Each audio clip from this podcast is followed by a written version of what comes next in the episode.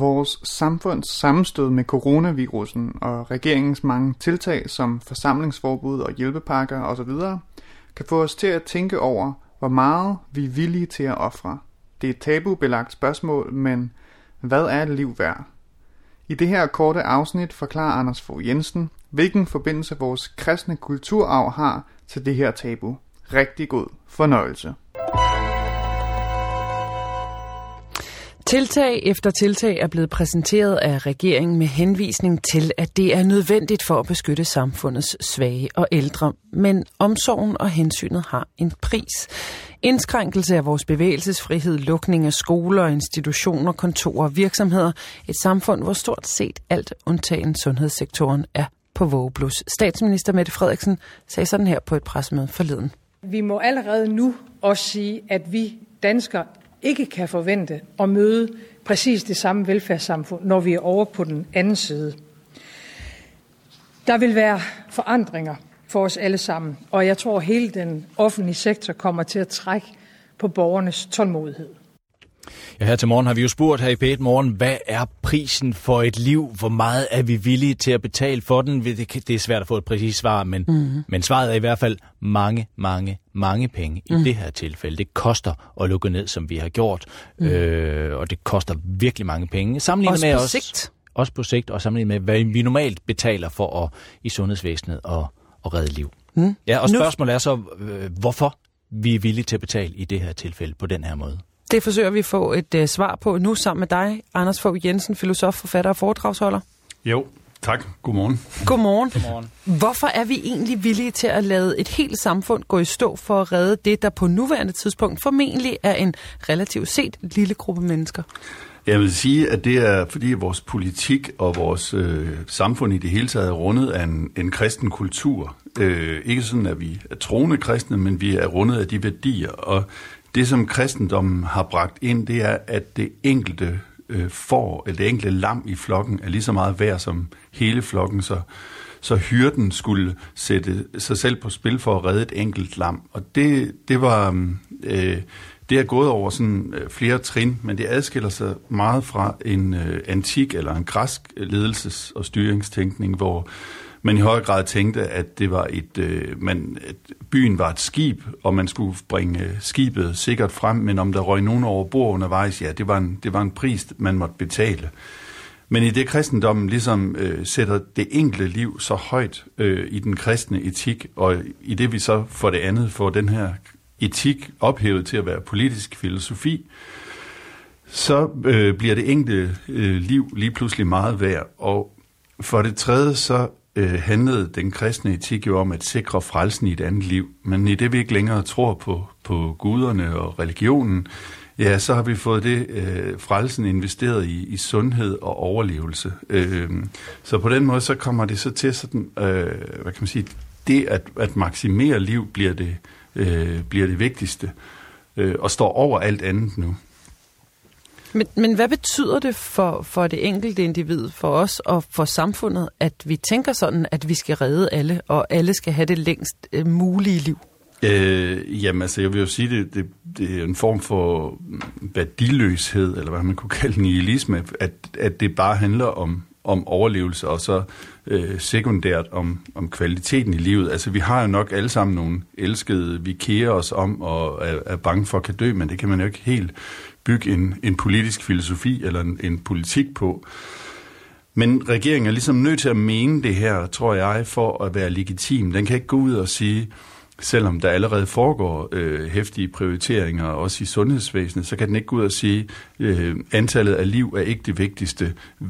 Danskernes glæde og lykke er det vigtigste i længden. Øh, så, så den bliver ligesom nødt til at sige det, og, og, og for, man kan måske på en måde, en måde at formulere det på er, at, at når vi ikke længere har noget helligt, så er det biologiske liv og overlevelsen af flest muligt blevet det eneste hellige. Men, har det ikke en kvalitet i sig selv, at vi tager os af hinanden, og vi vil redde alle i samfundet? Jo, det er, det er, det er enormt øh, sympatisk, og det er også en, en, en, en kvalitet både ved velfærdsstanden og, og ved vores øh, liv, men man må også ligesom stille det op, og det, det, jeg tror, det spørgsmål kan man ikke rigtig stille endnu, men det er, hvor længe skal det her blive ved? Hvor meget er det værd? Øh, hvor meget skal der ofres? Jeg, jeg husker øh, en af de ting, man plejede at citere Churchill for, det var, at han blev spurgt om, øh, skulle vi ikke øh, bruge øh, al kulturen og al kulturpengene, kulturministeriet på krigen for at vinde krigen? Og så sagde Churchill, jamen hvad er det så, vi kæmper for? Øh, hvis vi vinder, hvad er det så, vi har tilbage?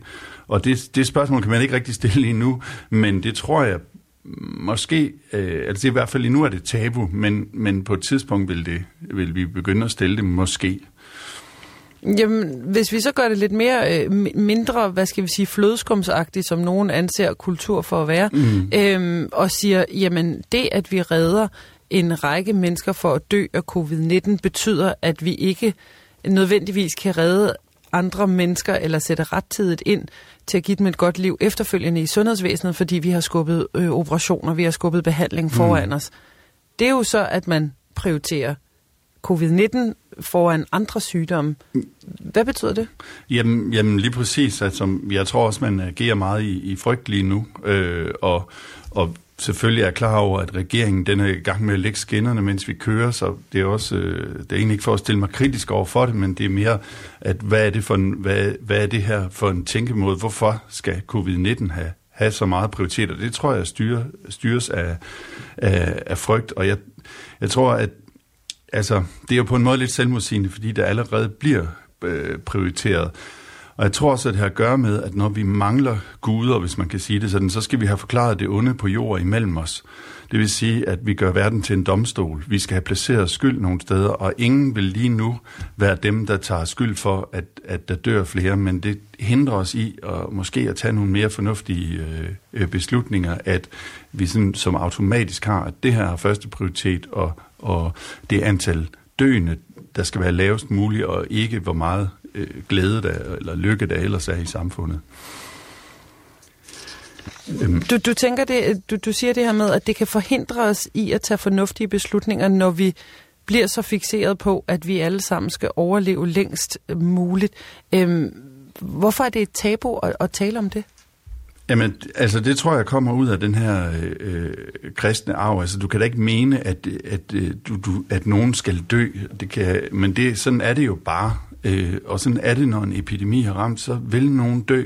Øh, og jeg tror, det gør os lidt blinde over for, hvad kan man sige, mere i mit fag vil man sige utilitaristisk, altså nyttetænkende, hvad, hvad har egentlig størst konsekvenser. Så lige nu så laver vi noget, som har enormt store konsekvenser. Øh, men vi kan ikke ligesom ikke tage diskussionen om, hvor går grænsen. Og det tror jeg kommer af den her øh, kristne arv, som vi er rundet af, at et, et enkelt individ er lige så meget værd som hele flokken. Hvad, hvad tænker du, det kan få konsekvenser, at vi tænker sådan? Øhm, hmm, jeg, jeg, kan, jeg, kan, altså jeg tror jo, at det er på, på øh, nu er det ikke bare kulturlivet, det er sådan set også, folk kan ikke gå til tandlæge eller få operationer, der bliver mere øh, ensomhed, vi hører volden stiger hjemmene, øh, folk kan ikke se hinanden, øh, vi er mange selvstændige, der er ved at gå konkurs, øh, der, der sker jo en masse ting, som, som øh, altså formentlig øh, skaber mere ulykke end selve øh, epidemien. Eller det skal jeg jo ikke kunne sige, fordi jeg er ikke læge, øh, men, men det vil jeg, jeg vil tro, i hvert fald så er diskussionen der ikke om, hvor, hvor går grænsen, men jeg tror, der kommer en, en sommer, hvor vi begynder at blive trætte og sige, okay, kan det passe, at vi ikke må tage på skovtur? Kan det passe, at vi ikke må, må se hinanden? Og jeg tror, at lige nu kan vi bare ikke have det der, den her diskussion. Så, øh, men, men jeg vil også sige lige kort, at det her det er jo en forlængelse af noget, som har været på vej længe, nemlig at, at sundhed eller at blevet det hellige, fordi vi mangler noget. Hvad handler livet egentlig om? Ja, det ved vi ikke. Nå, men så må det være det lange liv. Øh, og den sundhedsbølge, som vi har set meget længe med, at folk øh, dyrker fitness og alt, alt muligt for at holde sig i live, og på den måde bliver for levende til at dø, men måske også samtidig er for døde til at virkelig at leve, ja, det ser vi så forlænget ud nu i, at det her det handler bare om, om, om livsforlængelse. Sådan lød det fra Anders Fogh Jensen, som i øvrigt også mener, at det, det kan være svært for Mette Frederiksen og regeringen at skifte kurs, når man først har lagt sig ind på en. Tak for det, filosof og forfatter og foredragsholder. Klokken den er 8.41. Er du en uh, fitness-zombie, Ole? by the way? Øh, en fitness-zombie? Ja. Mm, det tror jeg ikke. Nej, det tror jeg heller ikke. Det handler om at få det gode ud af livet, mens vi er her.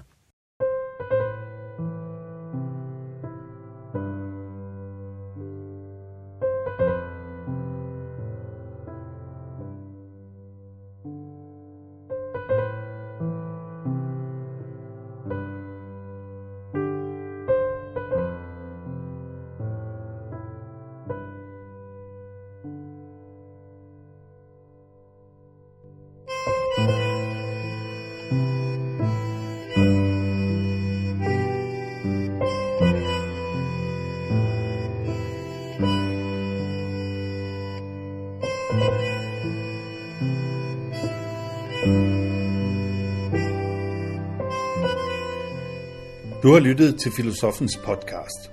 Se mere på min hjemmeside, filosofen.dk, og tag med mig på dannelsesrejse. Se dannelsesrejser.dk. Mit navn er Anders Fogh Jensen. Tak fordi du lyttede med.